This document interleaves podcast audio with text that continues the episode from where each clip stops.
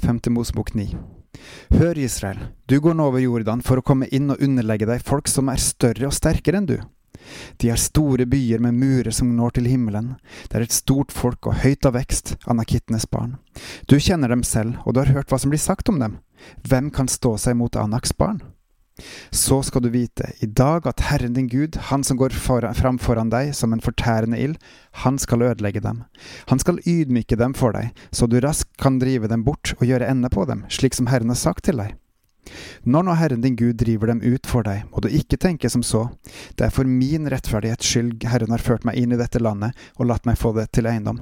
Nei, det er for deres ugudelighets skyld Herren driver disse hedningene ut for deg. Ikke for din rettferdighets skyld eller for ditt oppriktige hjertes skyld kommer du inn i deres land og tar det i eie. Men det er for deres ugudeliges skyld Herren din Gud driver disse hedningene ut for deg, og for å holde det løftet Herren med ed har gitt dine fedre Abraham, Isak og Jakob. Så skal du vite at det ikke er for din rettferdighets skyld Herren Gud gir deg dette gode landet til eie, for du er et hardnakket folk. Kom i hu, og glem ikke hvordan du vakte Herren din Guds vrede i ørkenen. Like fra den dagen du gikk ut av landet Egypt, og til dere kom til dette stedet, har dere vært gjenstridige mot Herren. Allerede ved Horeb vakter dere Herrens vrede.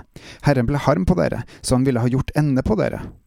Da jeg var gått opp på fjellet for å ta imot steintavlene, tavlene med den pakt som Herren har gjort med dere, da ble jeg på fjellet i 40 dager og 40 netter uten å ete brød og uten å drikke vann. Og Herren ga meg de to steintavlene, skrevet med Guds finger. På dem sto skrevet alle de ord Herren har talt til dere på fjellet, midt ut av ilden den dagen dere var samlet der. Det var da de 40 dager og 40 netter var over, at Herren ga meg de to steintavlene, paktens tavler. Og Herren sa til meg, Skynd deg og stig ned herfra, ditt folk som du førte ut av Egypt, har gjort en skammelig ting. De har allerede veket av fra den vei jeg bød dem å vandre, de har gjort seg et støpt bilde. Og Herren sa til meg, Jeg har lagt merke til dette folket og sett at det er et hardnakket folk.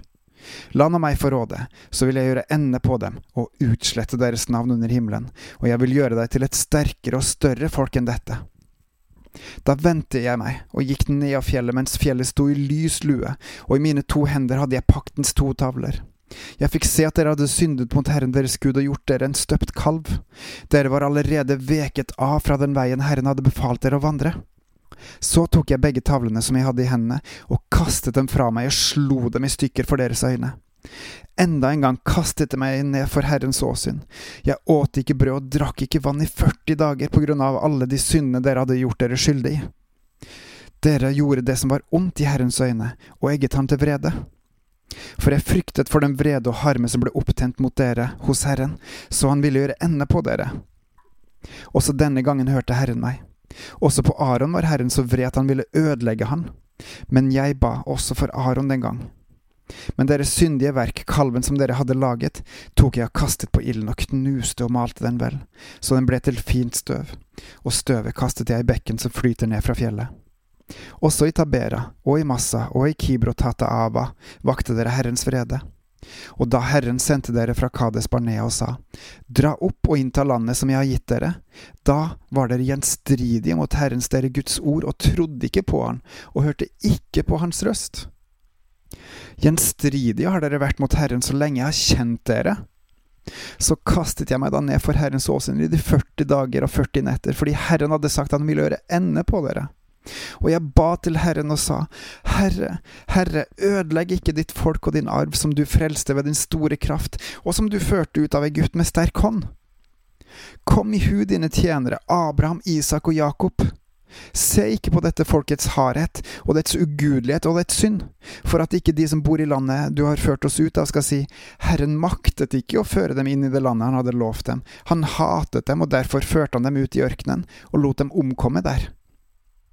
De er jo ditt folk og din arv, som du har ført ut med din store kraft og med din utrakte arm.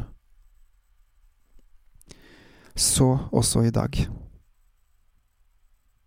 På gjenhør.